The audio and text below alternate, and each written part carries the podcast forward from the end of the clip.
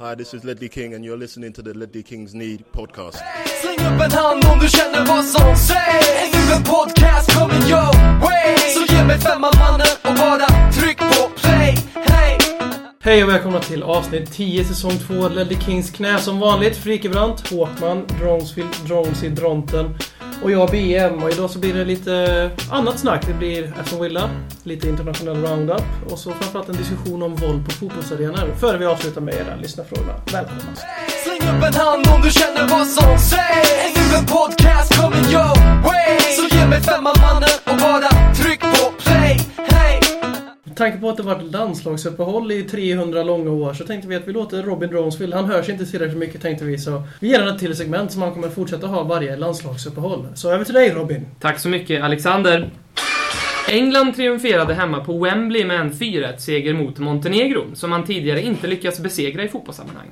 Defoe kunde man återfinna på bänken, till hans egos stora förtret, men på plan fanns Kyle Walker, som gjorde en riktig alert och livlig insats. Drog på sig gult kort för en tröjdagning på Stevan Jovetic. Vilket innebär att sonen från Sheffield får välförtjänt och behövlig vila i kvällens match mot Polen.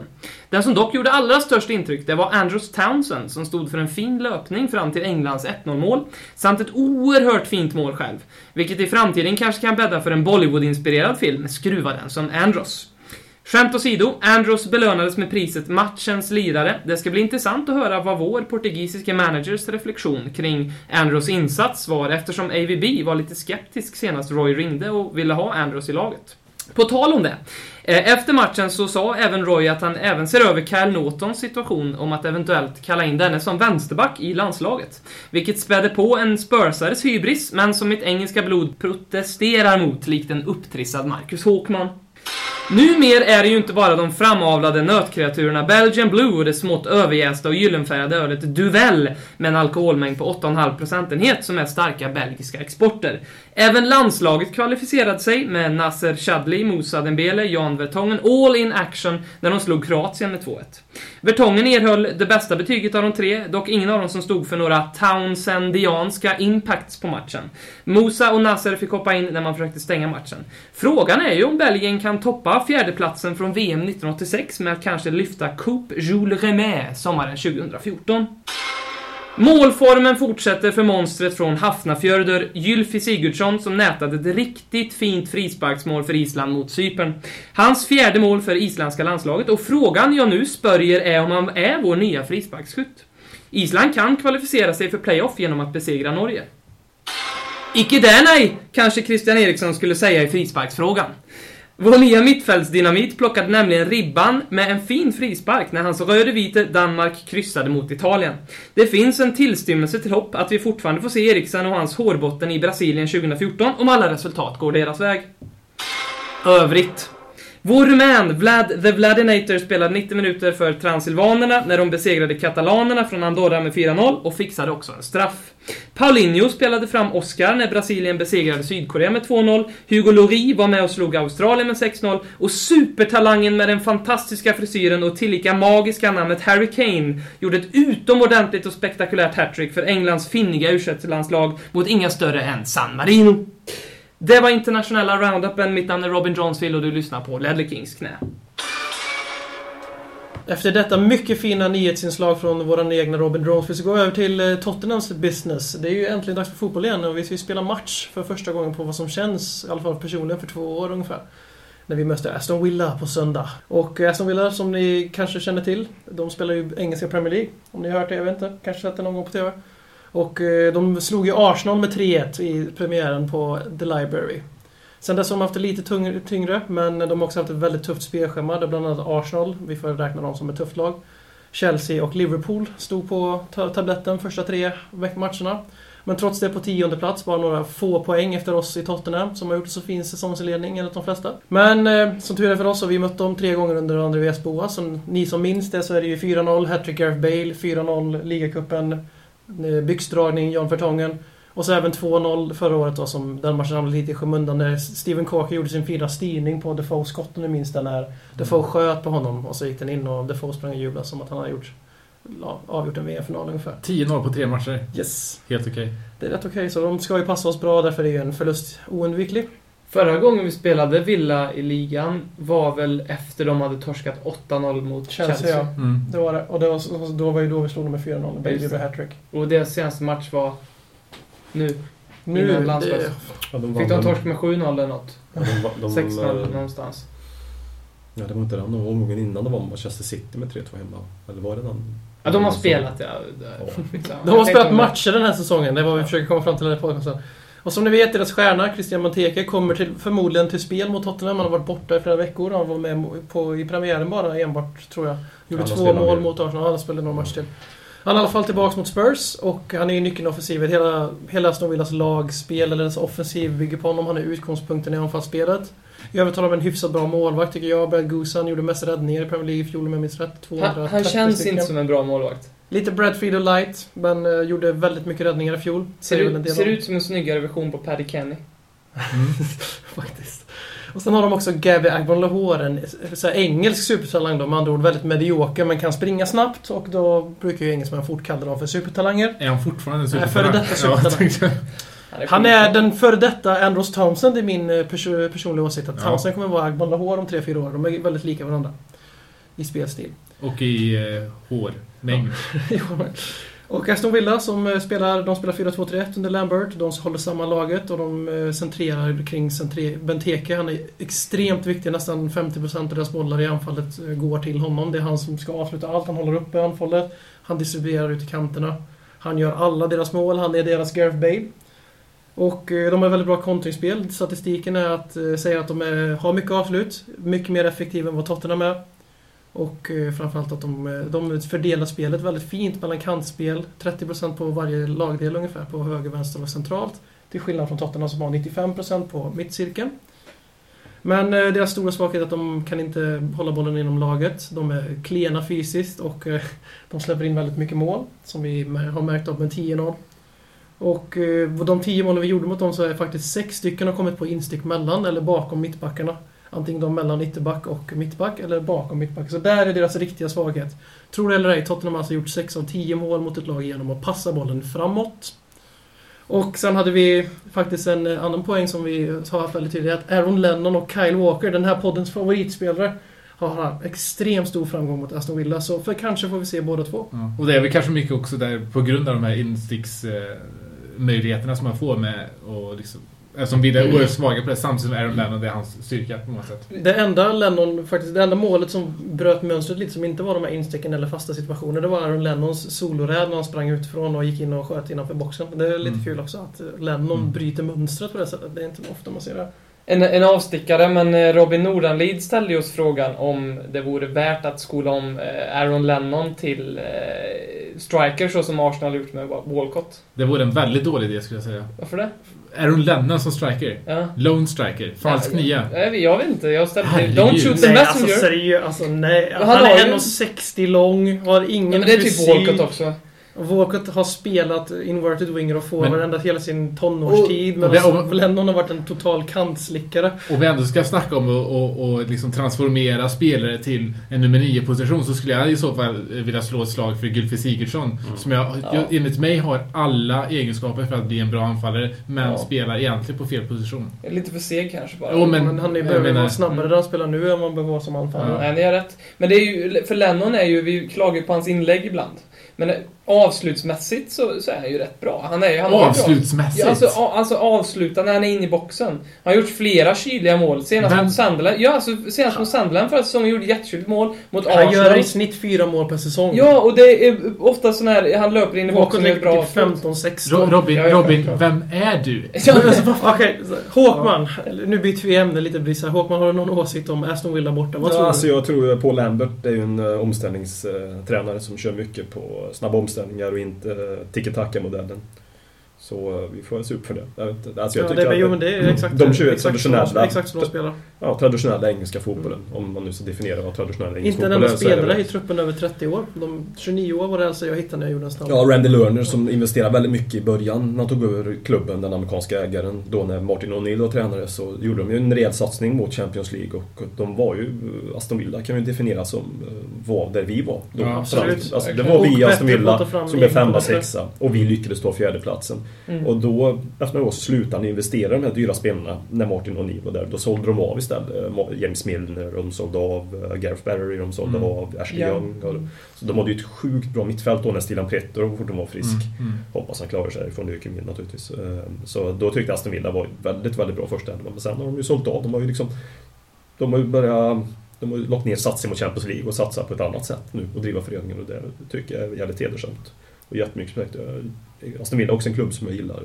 Traditionellt fin eh, engelsk förening som jobbar bra. Ja, jag gillar också att det vill. Jag tycker det är väldigt roligt att de är eh, på uppgång igen efter Mm. att ha blivit våldtagna av nyrika oljeoligarker. Ja, med pengarna, ja, Ja. precis. Ja, men så är det ju.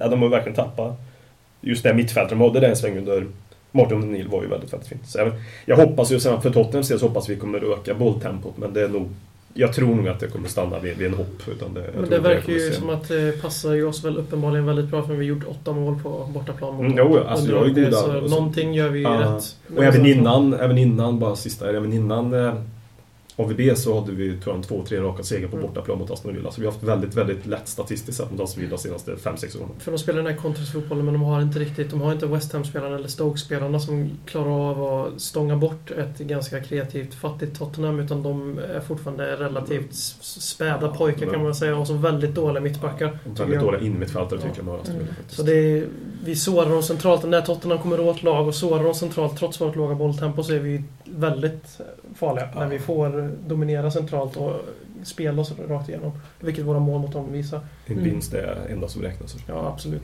Fortfarande ändå, för mig, lite rädd för den här matchen faktiskt. Eh, tanke på att vi eh, ändå på det sättet eh, förmjukar dem på hemmaplan i, i cupen här. Och att... Det gjorde vi i och för sig förra säsongen. Det gjorde vi. också som hade samma det- poäng att bevisa när vi mötte dem sist. ja, och så att de får Benteke tillbaka och att vi var, visade oss från en liten dålig sida mot West Ham. Det är lite orolig här ändå. L- lite dålig sida. Ja. Plump i protokollet. En liten plump i protokoll. Lite rädd är jag faktiskt. Och det känns... Jag tycker du satte huvudet på spiken när Håkman... Aston Villa var förra säsongen...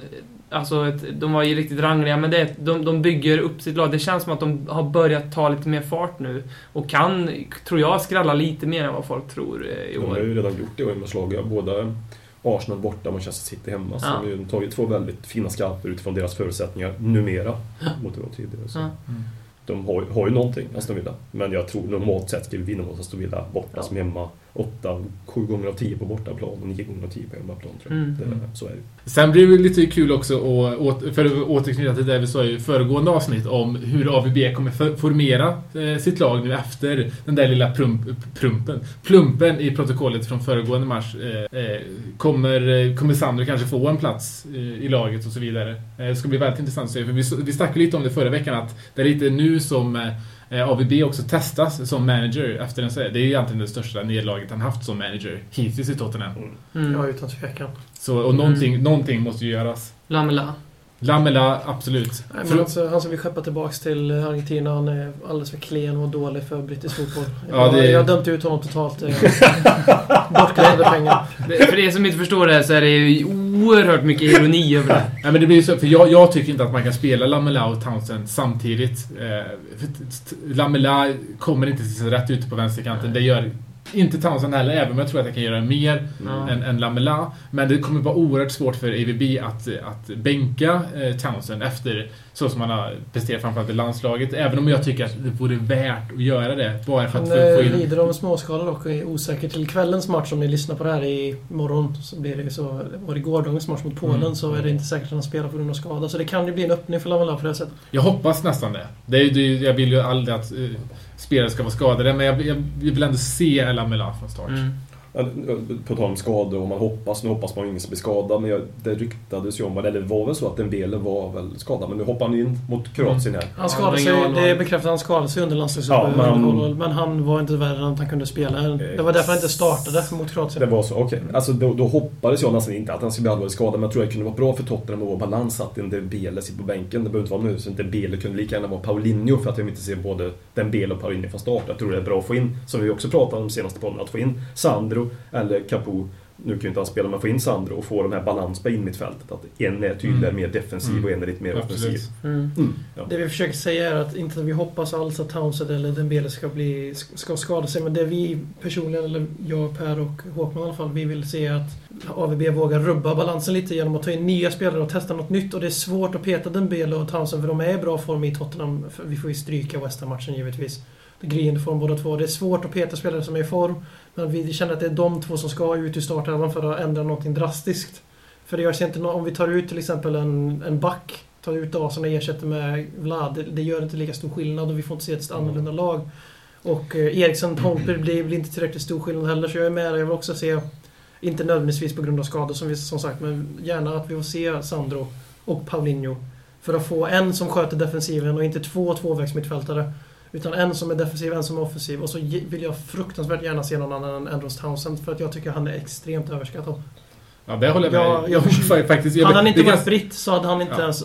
Alltså han hade blivit ju- sågad med fotknölarna. det är ju det är väldigt kontroversiellt att säga så här efter att han har fått också gjort den succén han har gjort i landslaget. Men jag håller faktiskt med Ja, han är duktig Premier League-spelare men alltså han, folk snackar redan om honom halvseriöst som den nya Bale. Alltså Ja. jag vill så, jag vill så lägga mig och gråta. Så gör ju rätt många länder, det blir nya hela tiden. Alltså speciellt om man ska ta, liksom, ta efter, någon, efter någon som spelar på samma position och så kommer det typ någon från Mm. samma land. Och så blir det väldigt mycket nya. Det tror jag inte bara är en brittisk grej. Är hur många nya Maradonas har det inte kommit i Mm. Argentina till exempel. Gervinho är ju den nya- Lamela till exempel. Ja, ja precis. Ja. Får han åka tillbaka, får han åka till Roma som Gervinho också var superbra som har varit i, i Roma. Alltså det, det, det tror jag inte bara, personligen i alla fall, att det är inte bara en engelsk grej. Utan det tror jag man söker hela tiden efter någon nya. Om någon som har varit Mm. explosionellt duktig och lämnat en klubb.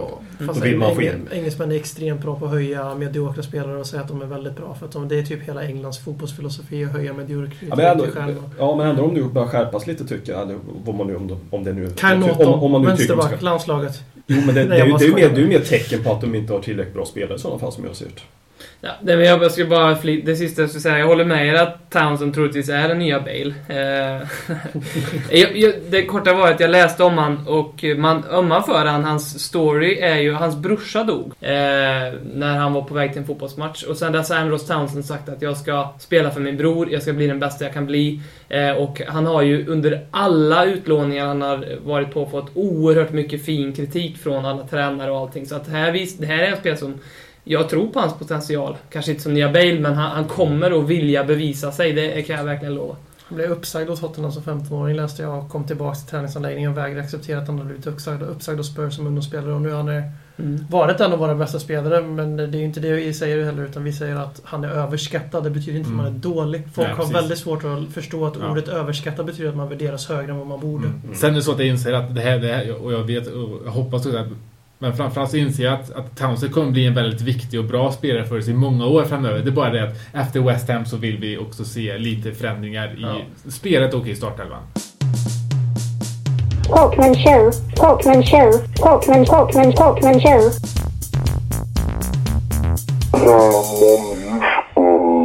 Yes. Idag tänkte jag prata om eh, hur man väljer landslag, för nu börjar folk välja landslag att heja på. Ehm, jag jobbar ju på en fritidsgård med, eh, ja, där de är mellan 13 till 18 år som besöker stället. Och för mig känns det ju helt uppenbart, om du är född i Sverige så ska du liksom heja på Sverige i fotboll, alltså eftersom det är en fotbollspodcast.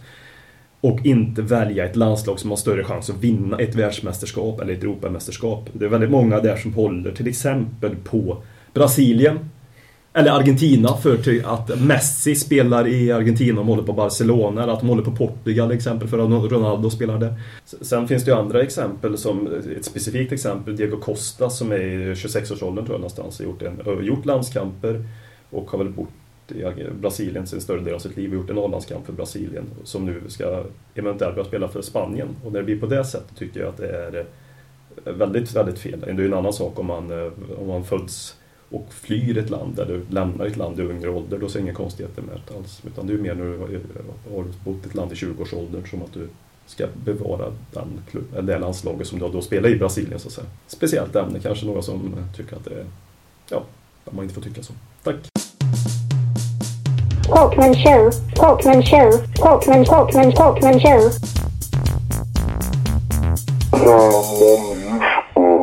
Ja, då går vi över till det här avsnittets huvudpunkt, nämligen fotbollsrelaterat våld och vem som ansvaret ligger på och varför det sker och så vidare. Och vi ger faktiskt över ordet till Marcus Håkman, våran expert i frågan. Som Hammarby så får jag ta ansvar över detta känner jag som lite grann. Det är väl den, alltså Hammarby, alla Hammarby Terroristerna menar du, som Terroristerna. attackerar Gaisare på läktaren? Ja, och alla Hammarby är huliganer så brukar man ju få försvara sig i alla fall här på hemmaplan. Var du på matchen? Nej, det var jag inte. Jag tror Eh, han skulle erkänna det med tanke på vad som hände. ja, precis. När man tänker på huliganism, och liksom, det är ju många som också vill dra en parallell till om man ska försöka, hur, hur man ska stäva huliganismen och läktarproblem framförallt i Sverige. Då ser vi en del, en del ser på Tyskland som ett exempel, en del ser på England som ett exempel hur man ska göra. Och eh, ja, själv vet jag ju inte riktigt. Jag vet att man inte ska se på England som ett exempel för att få den svenska läktarkulturen bli mer rumsren, om man nu behöver bli mer rumsren. Vissa incidenter ska ju inte finnas där. Alltså, alltså legitimation, videokamera när man går in och Exakt. sittplatser i hela Sittplats arenan. överallt, du får inte stå upp, du har massa stewards som säger Ja. sit down och man får inte bruka vilket språk som helst på arenan. Allt språk är ju inte Inga acceptabelt naturligtvis. känsloyttringar alls Nej. typ. Ehm, och höjda biljettpriser som det är i England jämfört med innan Premier League startade och allting där. Och det, det byggdes väl också på när det blev en, en uppstramning inom, inom engelsk eh, arenor i alla fall, så var det ju det som Hillsborough-katastrofen som var orsak till det. Och det är ju en fruktansvärd tragedi att eh, 80 stycken någonting där stilen omkom på, som måste varit en fasansfullt sätt att dö på, bli ihjälklämda, ihjälsprungna och allting. Men det är ju, det är ju byggt på en, eh, att supporterna fick ju ta ansvar för det, att det var ett supporterproblem, att det var supporterna som var ansvariga till det här eh, incidenten. Men det var ju inte supporterna. Polisen eh, nu i efterhand, 25 år senare, har ju- har det ju visat att det var en mörkläggning ifrån eh, den Mm. brittiska regeringen. Då heter det att Cameron bad om ursäkt. Jättekort eh, sidoflik där. Vi Mm. hade ju, eh, som inte så många vet, att Tottenham hade ju en väldigt stor eh, ståplats eh, Mm. på 80-talet. Eh, som faktiskt inte konverterades till sittplats av den här anledningen. Utan av rent kommersiella skäl, för att kunna sälja dyrare boxar och kunna ta ut högre biljettpriser av Irving Scholar som var, som själv stod där som, som litet barn och sen blev miljardär, miljardär, flyttade till Monaco och sen kom och köpte Tottenham och gjorde om eh, The Shelf, som det hette då, till sittplatser. Mm. Ja, ja, när var detta då? 88 tror jag de byggde om The Shelf. Mm. Ja, så vi, var, vi gick i bräschen för detta. Ja, det gjorde, det gjorde vi Det faktiskt. är ingenting att vara stolt över, Nej. kan jag tycka. Eh, jag vet inte riktigt, vad, vad, vad säger ni andra om detta? Nej, att det är ett... Eh, jag är ju av den skaran som är relativt övertygad om att det här är ett samhällsproblem och inte ett problem som är orsakat av fotbollen. Du tar upp Hillsborough där, det var ju ett, också eh, ett litet samhälle som hade väldigt stora problem med arbetslöshet och ekonomisk fragmentering. Kollar vi på andra exempel så är Sheffield också ett sånt ställe som hade Eh, problem eh, med, med den här typen av våld och som också hade de här eh, fragmenterade inkomst, inkomstklyftorna. Eh, inkomstklyftorna. Jag kan också säga av personliga erfarenheter att jag känner folk som är engagerade i sådana här frågor och eh, det är ju väldigt ofta folk som faktiskt, man brukar säga att det här är ett fotbollsproblem i Sverige. Alltså det är alltså ett fotbollsproblem, det är inte ett sportproblem utan det är fotboll bara. Stockholms fotboll. Ska vi, om vi ska vara helt ärliga så är det Stockholmsfotbollen som är problemet, i alla fall off- offentligt i media och så. Men i alla fall jag känner folk som, som har varit med på såna här grejer och nästan, alltså det är 8 av 10 kan jag, av den lilla, den lilla stickprovet jag har gjort är att de går ju med i de här grejerna för att slåss och bruka våld och protestera. Alltså det är ett sätt att protestera mot samhället. Att de känner att man känner att livet inte, man har inte Mm. någonting, man har ingenting att se fram emot i livet. Det finns ingen utväg. Så varför inte få ut, utsläpp för sina känslor så här? Men min poäng i utläggen här är att ingen av de här människorna nästan började med våld på grund av kärlek till ett lag. Utan de knöts snarare samman till de här falangerna för att få göra utlopp för sitt våldbehov. behov. Och det hade ingenting med laget i fråga att göra utan det kommer senare.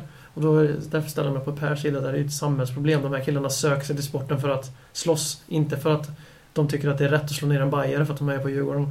Nej, det är ju ett samhällsproblem och de, liksom, det blev en liten trend också att skapa och vara med i olika filmer, yngre, äldre. Alltså, Men det romantiseras ju i, i mainstream media. Ja, men det gör ju det. Och eh, de här personerna, en del av dem som, som eh, kommer in i de här falangerna kanske hade lika gärna behövt fightas för sin, sitt kvarter. Mm. Eller för... eh, Vad slåss för överhuvudtaget? Ja, men, Det- det, det, Hammarby, AIK, Djurgården, Göteborg, Malmö, Chelsea, Liverpool. Alla, det, blev liksom en ursäkt för att slåss för den färgen. Ja, och det blir, det blir också väldigt tydligt till exempel i skotsk fotboll när liksom Glasgow mot, mot, mot Rangers. Och det är liksom då är det ju olika folkgrupper, ja, folkgrupper ska man inte kalla det, men det är ändå två eh, grupperingar i samhället som slåss mot varandra. och De facto inte två lag. Det är ju religion där Ja, också. Det är ju, Mm. där är det ju på en annan. Där är det, Där är ju- det på en jävligt annan Ja. nivå än vad det är här i Sverige. För där är det ju djupt rotat. Ja. Bara min, bara min, det här är enbart personliga erfarenheter, men jag minns... eh, Och nu Håkman, du kanske har mer kött på benen här. eh, Hur historiskt problem, eller problem vi har varit med huliganism i Sverige. Men för sig, mig känns det som att det kom en liten bloom i samband med Green Street Hooligans-filmen. Då, det, jag kommer ihåg den, när den blev populär, då, då gick jag på gymnasiet. Eh, och, i- och, och, och helt plötsligt började folk eh, klä sig i bomberjackor. De ville gå på FBK-matcher och liksom göra fula gester. Jag, jag vet inte om det, jag vet inte hur länge vi... Bara svara på det här. Alltså, sånt där folk blir inspirerade av filmer. För att dra en annan film som inte jag var tillräckligt gammal för att se då i realtid. Den gick 1985 eller 86. Det var ju Stockholmsnatt. Det skulle Ja. liksom förebry, för, förebygga våld och ungdomsvåld med Paolo Roberto och Liam Norberg. och Allt sånt där glorifierar. Ja, det blev istället så att de Mm. som såg de här filmerna gick runt och gjorde hoppsparkar som Paolo Mm. Roberto och Liam Norberg gjorde. Så visst, det kanske blev en ökning, men jag tror inte det är som orsaken. Jag Verkligen tror, inte. Men jag jag, tror det- det, alltså, blev en boom då. Ja, jag tror det är det som eh, det har blivit media det som, eh, som skriver om detta på ett annat sätt. Detta har förekommit alltid. Tittar man på exempel, nu, nu drar jag Hammarby relaterat för det är därifrån jag, Mm. som jag kanske upplevt. Det var när Hammarby mötte Djurgården till exempel 97 och spelade på Söderstadion och det behövdes en poäng för att vi skulle ha kvar vår eh, serieledning inför de två sista matcherna.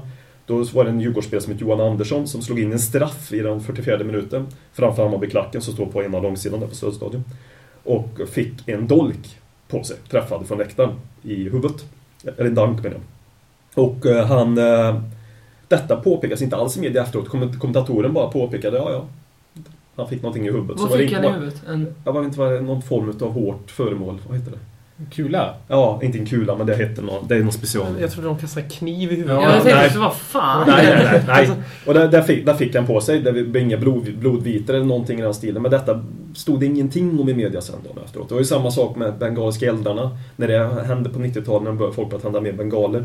Det var jättepopulärt. Det stod i media att det var fester runt omkring på arenorna i Sverige. Nu när det tänds en bengal så är det ju inte alls de rubrikerna som sätts. Då är det bara negativt. Så det, det fokuseras ju också. Det blev en helt annan fokuserings... Alltså media fokuserar på ett helt annat sätt på 90-talet. Problemen var större på 90-talet än de är på 2000-talet. En häxjakt.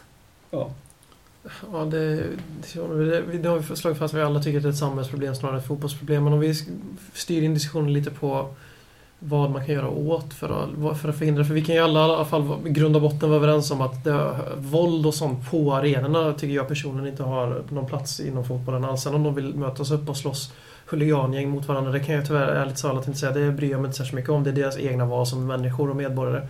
Men när det sprids in till arenorna och framförallt utanför arenorna precis utanför arenorna. Men där tycker jag personligen att det är fel och där hör det inte hemma. Att de, så, de kan ge fan i att bråka och kasta saker på varandra inne på arenorna. Eftersom det gynnar ingen, tycker jag. Ja. Och det är min åsikt, jag vet inte om det är någon... Jo, ab- absolut, absolut är det så. Jag vill bara knyta an lite till det Robin sa med Green Street Hooligans och att han tror att det kommer en liten uppsving där. Vi får tänka lite på också vart eh, eh, huliganismen eh, tog sin början, vilket var i England för inte så jättemånga år sedan då liksom huliganismen började bli det stora problemet. Det var under Thatcher får man säga. Det var liksom då också som hennes politik renderade i eh, väldigt höga arbetslöshetssiffror. Och kollar vi också vid andra länder, för det här är ju Huliganismen är ju stor framförallt i Europa. Och då är det ju Italien och Grekland som också är stora eller länder med, med hög arbetslöshet. Polen, Östeuropa överlag. Precis, precis. Och kollar vi då på Sverige, varför det kan ha blommat lite på senaste tiden, så kollar vi också på eh, eh den ekonomiska stratifieringen. Så kollar jag också upp lite siffror på det här och eh, en procents höjning av arbetslösheten för män i åldrarna 18 till, 30, 18 till 31 renderar i sin tur i 10% mer våld på fotbollsarenor i Sverige. Så det är definitivt någonting man kan knyta till socioekonomiska frågor och eh, eh också nationalekonomiska frågor. Och då är det såklart en fråga för, för samhället. Och eh, jag gillar också ett citat när, när eh, Thatcher eh, försökte slå, slå ner mot det här fotbollsvalet så var det eh, ordföranden för FA som, som svarade på det här och, och, och röt ifrån till och sa Get your hooligans out of my stadiums. Och det är lite det som jag tycker på något sätt eh, symboliserar det här problemet. Att, eh, eh, det är faktiskt inte så att supportrarna går ut från arenorna och sen börjar orsaka förstörelse i samhället utan det är tvärtom, det är de som kommer in till arenorna. Jag tycker också när ni snackar om organiserad huliganism, som ni snackar om, det faktiskt är grupperingar som slåss mot varandra uppgjorda matcher. Det är organiserad huliganism och det är också organiserad brottslighet. Det har absolut ingenting med fotbollen att göra. Eh, och sen, så har vi en form av huliganism som är lite mer oorganiserad och det är den som sker på arenorna.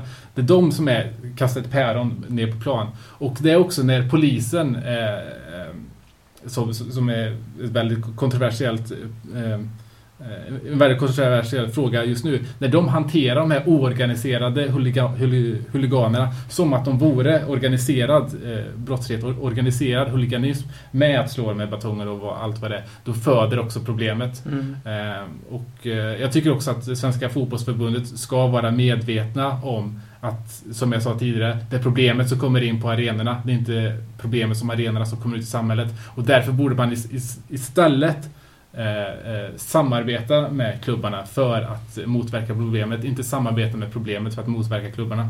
Klubbar i Sverige vill att det ska försvinna för att de får ju ta all straff och all skit. Så det är ingen klubb som gör något annat än att motarbeta huliganism.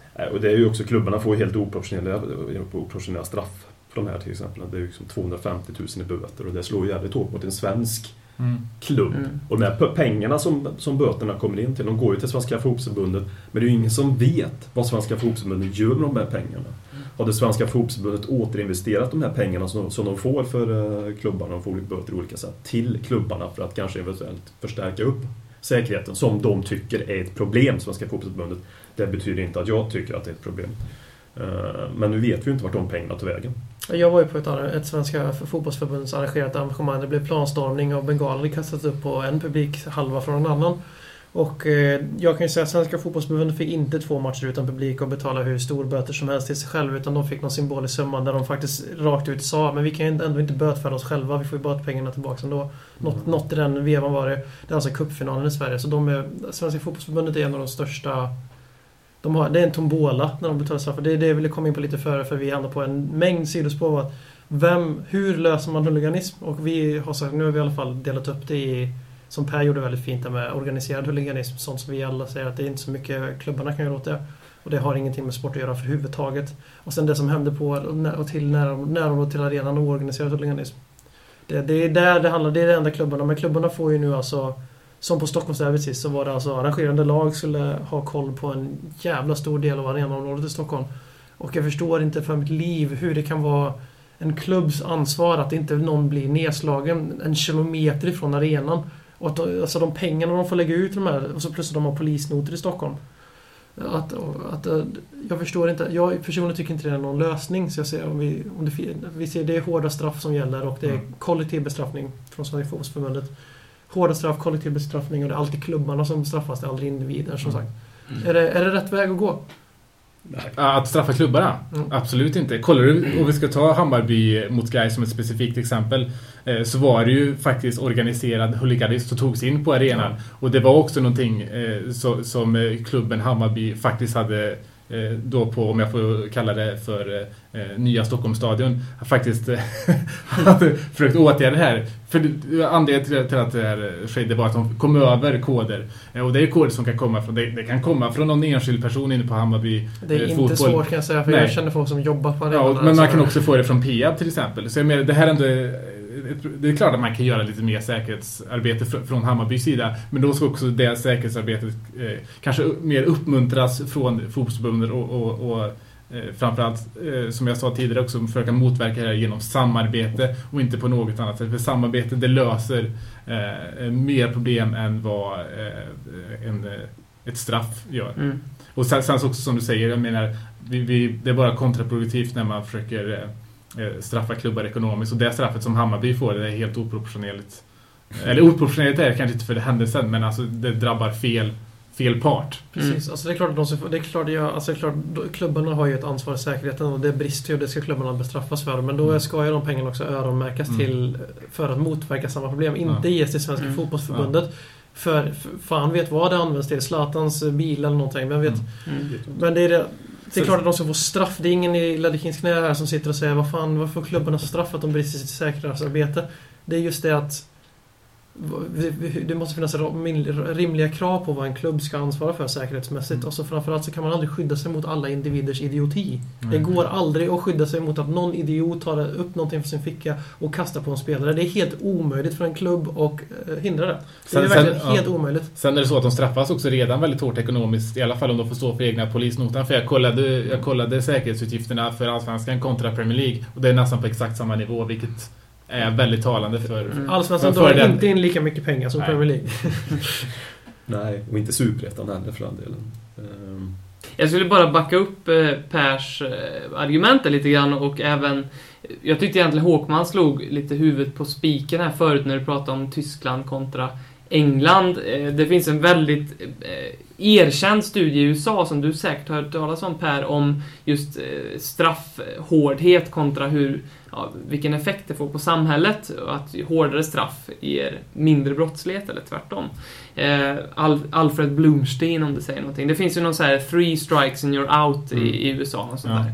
Vilket man har kunnat, han har kunnat forska fram att hårdare straff inte hjälper de här beteenden eller eller stjälper Det är ganska självklart eftersom ett hårt straff gör så ditt framtid är fuckad så då har du inget val. Då är det lika bra att falla tillbaka på brottslighet. Så, så det jag gjorde var, jag hörde av mig till en psykolog, eh, min fru då givetvis, men, eh, men hon hörde av sig till en annan, från, så Jonas Hjalmar, som jag ska tacka för, för det här, som eh, kunde backa upp det här med lite vetenskap och jag tycker egentligen det sammanfattar det som du sa förut Håkman väldigt bra. Eh, att ett hårt straff, eh, det hjälper egentligen inte till att förändra beteende utan man ska titta på Tyskland där de har gjort det egentligen att uppmana till det beteendet man vill ha istället och försöka bygga en kultur. I England finns ju huliganismen fortfarande kvar. Vad man har gjort där? Jo, nej, men man har straffat beteendet. Och framförallt har man straffat beteendet för mycket i efterhand. Det ska ske liksom när det händer för att det ska ge bäst effekt. Alltså försöka på eh, arenan att lyfta ut de som gör brott istället för att det kommer liksom en notis en vecka senare i Aftonbladet. Pang, nu är det här som händer. Liksom. Ja, men det, det är ju lite grann det här. Alltså, det är ju, I England får man ju väldigt hårda straff för minsta lilla övertramp.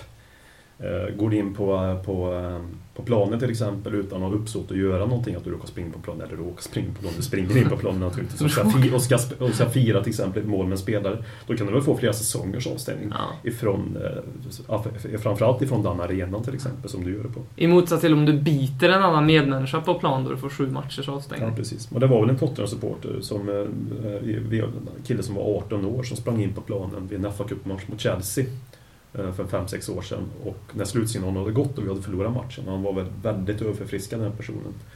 Som tog och svingade ett slag emot eh, Drogba eller Frank Mm, Lampard. Frank Lampard. Mm. Frank Lampard var det. Och eh, han missade ju slaget. Ramlade omkull i, eh, tack vare så många öl efter slaget och får väl sig en rätt kraftig omgång utav Chelsea-spelarna. Det slutar ju med att den här 18-åriga killen får aldrig mer beträda White Hart Lane. Eller eventuellt nya arenan för oss. Någonsin hela sitt liv. Och det han gör är ju förkastligt, men jag kan ändå tycka någonstans att det straffet är eh, för hårt. Jag, Sett om man lägger in det här, olika... tycker jag, det, det, här tycker jag leder till en väldigt intressant diskussion för att personligen håller jag inte med att man ska inte bli, om man springer in på plan och försöker slå nu skiter i full man är så ska man inte få gå på fotboll igen. För lite individens ansvar måste vi snacka.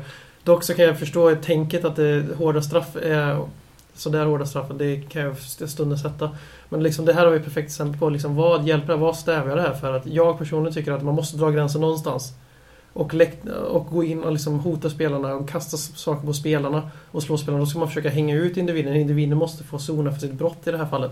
Mm. Det var bara liksom, vad tycker ni är rimligt ni andra? Så att inte bara jag tycker, som den här killen, han ska, han ska aldrig mer få gå på, på, fotboll på White Hart Lane. Han ska, jag, jag håller faktiskt med där, för Ja. man måste dra gränsen någonstans. jag menar, det är helt förkastligt. Jag, jag, och sen, ja. Nej, jag tycker det, han ska aldrig mer få gå på Robin, fotboll före Håkman får Ja, jag ja, svara. det här är första gången ett breakthrough där jag sitter och håller med Håkman. Jag, det, jag tycker att han... För, det, det är för tufft att stänga av honom på livstid. Men det från jag bara...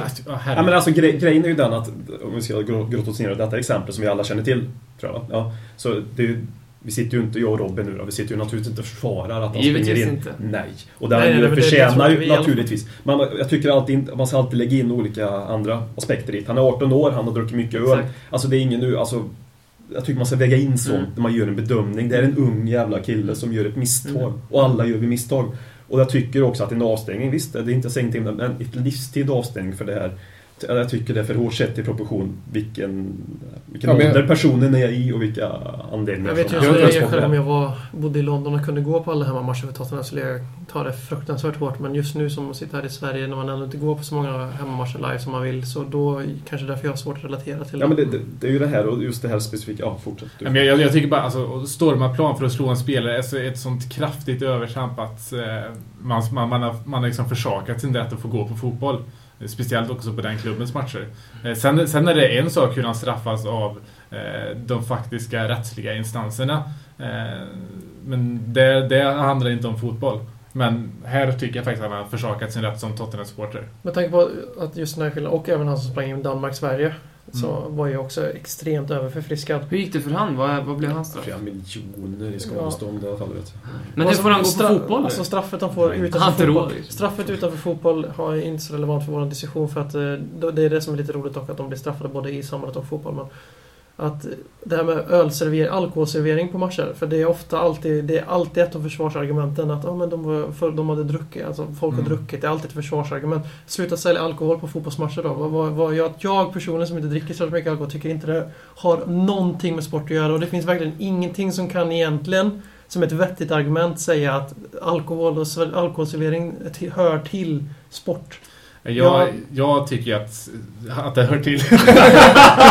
Jo, jo, men jag, jag, vill inte ha, jag vill inte ha, nu vill jag ha logiska, vettiga Det- förklaringar till varför folk måste Ja. supa för att se på sport. Man måste inte... När det föder sånt här det är ingen, det är ingen, att, att sälja alkohol är inte att säga ni måste ni supa. Eh, utan det är att eh, sport också till viss del är underhållning för publiken. Och eh, då ska det finnas förfriskning tycker jag. Tycker det är jättesjälvklart att man ska kunna sälja alkohol. För det är ändå upp till det individen. för att försvara individerna. I det Men det är alltid upp till individen att dricka den mängd man klarar av själv också. Eh, alltså, det, det är som att gå ut och det blir bråk ute på Kungsgatan varje alltså dag inte, i då ska alltså inte alkohol, alkohol ska inte förmildra straffet för den här personen som du precis sa att det borde ha gjort.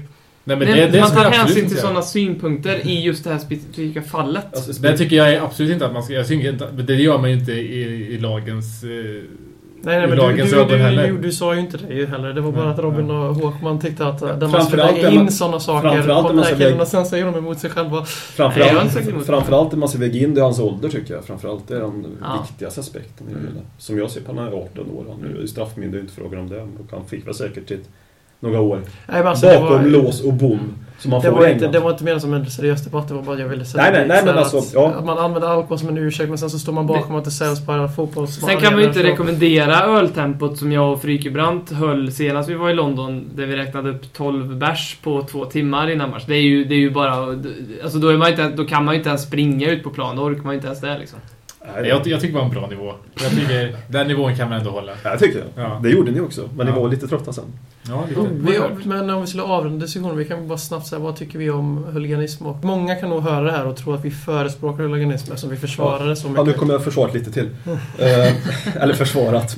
Jag försvarat inte. Men alltså, det som är intressant det här, det tycker jag alltså, jämför Sverige och England.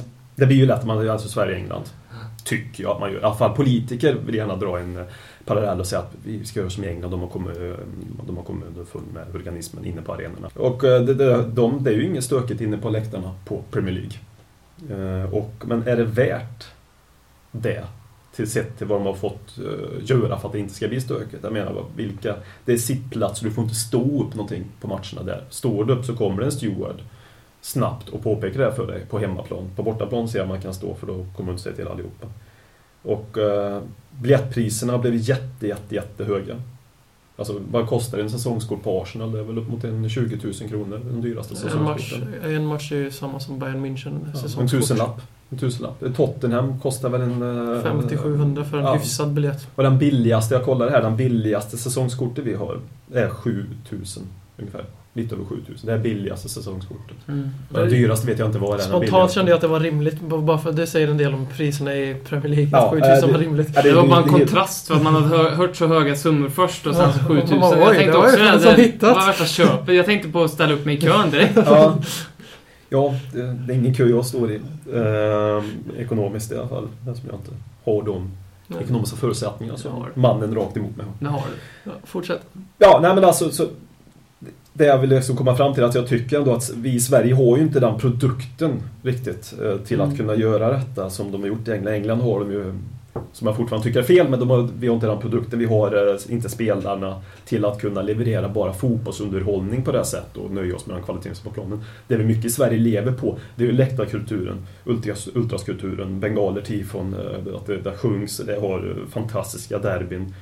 Stockholmsderbyn inramningsmässigt, Skånederbyn inramningsmässigt. Göteborgsderbyn när Gais uppe framförallt och möter IFK Göteborg. Bayern guys. Ja, ja, precis. Nej men att du har det och det, det, jag tycker det, den delen är så väldigt, väldigt viktig för svensk fotbollsunderhållning, för att svensk fotboll ska ha någonting som är på den absoluta europeiska toppklassen. Jag tror faktiskt vi kommer få se safe standing framöver i England. Det tror jag.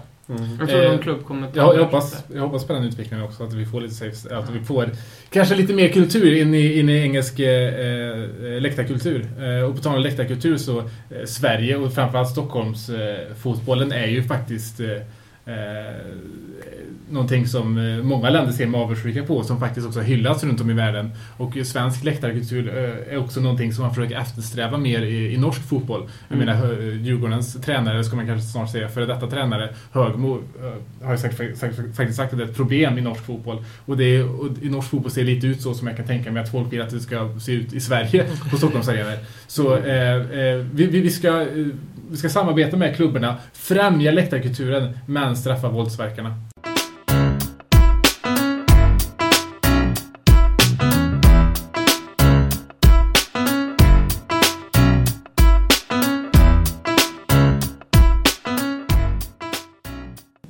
Så, då har vi kommit till den delen av podden som handlar om att ni som le- lyssnare får ställa frågor. Vi tycker väldigt mycket om er lyssnare. Eh, Det finns ju många där ute som är väldigt mycket aktiva eh, på sociala medier, skriver till oss. Eh, Vi brukar hylla folk ryggdunka. Eh, Den här veckan vill jag eh, ly- lyfta upp Niklas Flemström som jag tycker gör ett väldigt bra jobb och skriver in mycket till oss. Eh, your lab. Woop. Flems ja, som också har skrivit ett eh, inlägg på bloggen. Ja, fanbloggen. Ledderkingsknas.gmail.com. Skicka in era blogginlägg. Eh, Tottenham har ju en del eh, kända fans. Eh, Rupert Grint som spelar eh, Ron i Harry Han pekade Potter. på mig så jag trodde verkligen han skulle säga mig. Fan. BM? Nej. Vem är, vem är det? Eh, Harry Potter Ron, den rödhåriga Harry Potter. Han ser ut Även- ungefär som du. Även Kenneth Branagh, så- Ke- Ja, vet eh, du vet ju inte vem det är heller, men Branagh som har spelat något annat i Harry Potter är väl känd. Jude Law är Tottenham-supporter. Peter Forsberg. Stefan Löfven. Peter Forsberg. Erik Niva, Simon Bank och etc. Men våra kära lyssnare ska vi rikta uppmärksamheten mot nu då. Lite diskussion. En fråga som faktiskt jag ställde till The Fighting Cock som jag tycker att vi ska ta upp här. Eh, jag vill ställa den till Håkman. Det finns ett Twitterkonto. Så frågar du en person. Ja, men jag vill ställa den först till Håkman, sen så får vi se vad, vad, om, om han har det universella svaret här. För det brukar vara så. Det finns ett Twitterkonto som heter Full Kit Wankers som går ut på att ta kort på personer som går runt i eh, deras lags Julgranar, kläder. liksom. Ja, julgranar. De klär upp sig i lagets dräkter från topp till tå. Ja. Eh, och då är frågan, vad tycker du om det här? Och framförallt när man går på match, hur ska man vara klädd? Hur ska man vara klädd? Ja, man ser ju inte ut som en jävla julgran tycker jag framförallt. Alltså man behöver inte ha... En matchtröja är väl fullt eh, lagom att ta på sig eh, när det är... Halsduk är fint när det är kallt. När det är kallt, ja men kom ner med en mössa. Mm. Eh, Men alltså, vad är en julgran? Det beror ju på vad det är för ålder på de här också, som går klädda så här. Alltså små barn tycker jag absolut ska få klä sig helt fritt. Mm. Och alla ska naturligtvis få klä sig helt fritt. Men... Alltså, det beror ju på lite grann med åldern.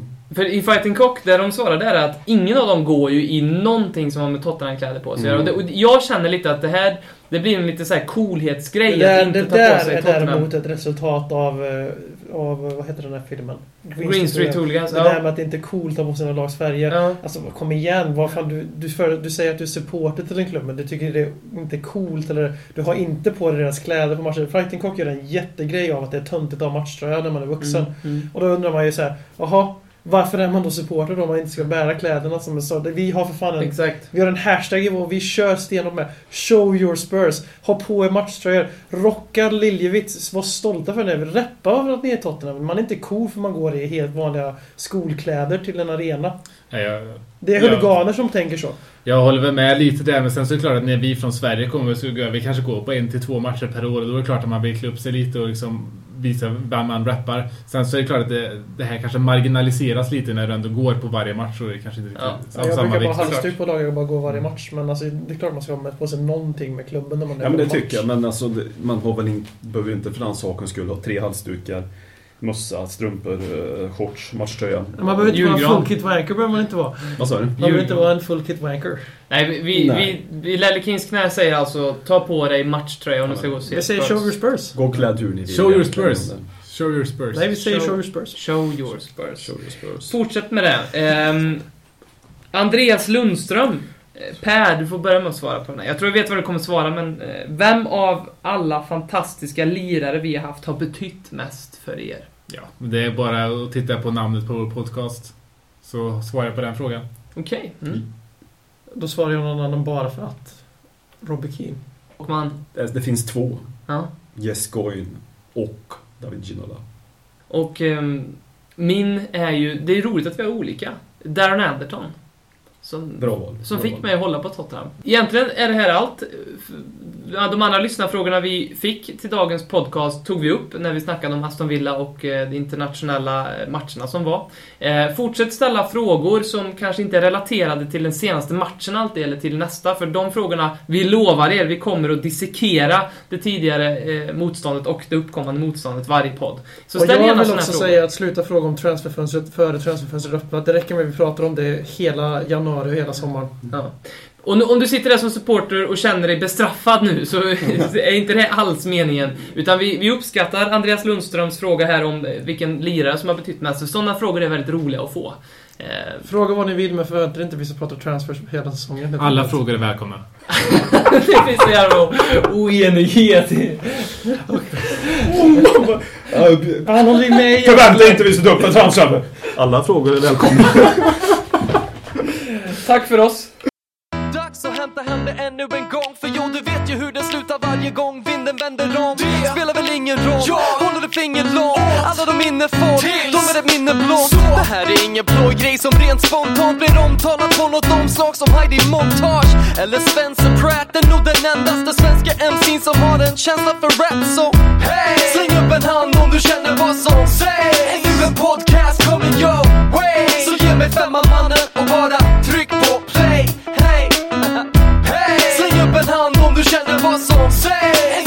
podcast.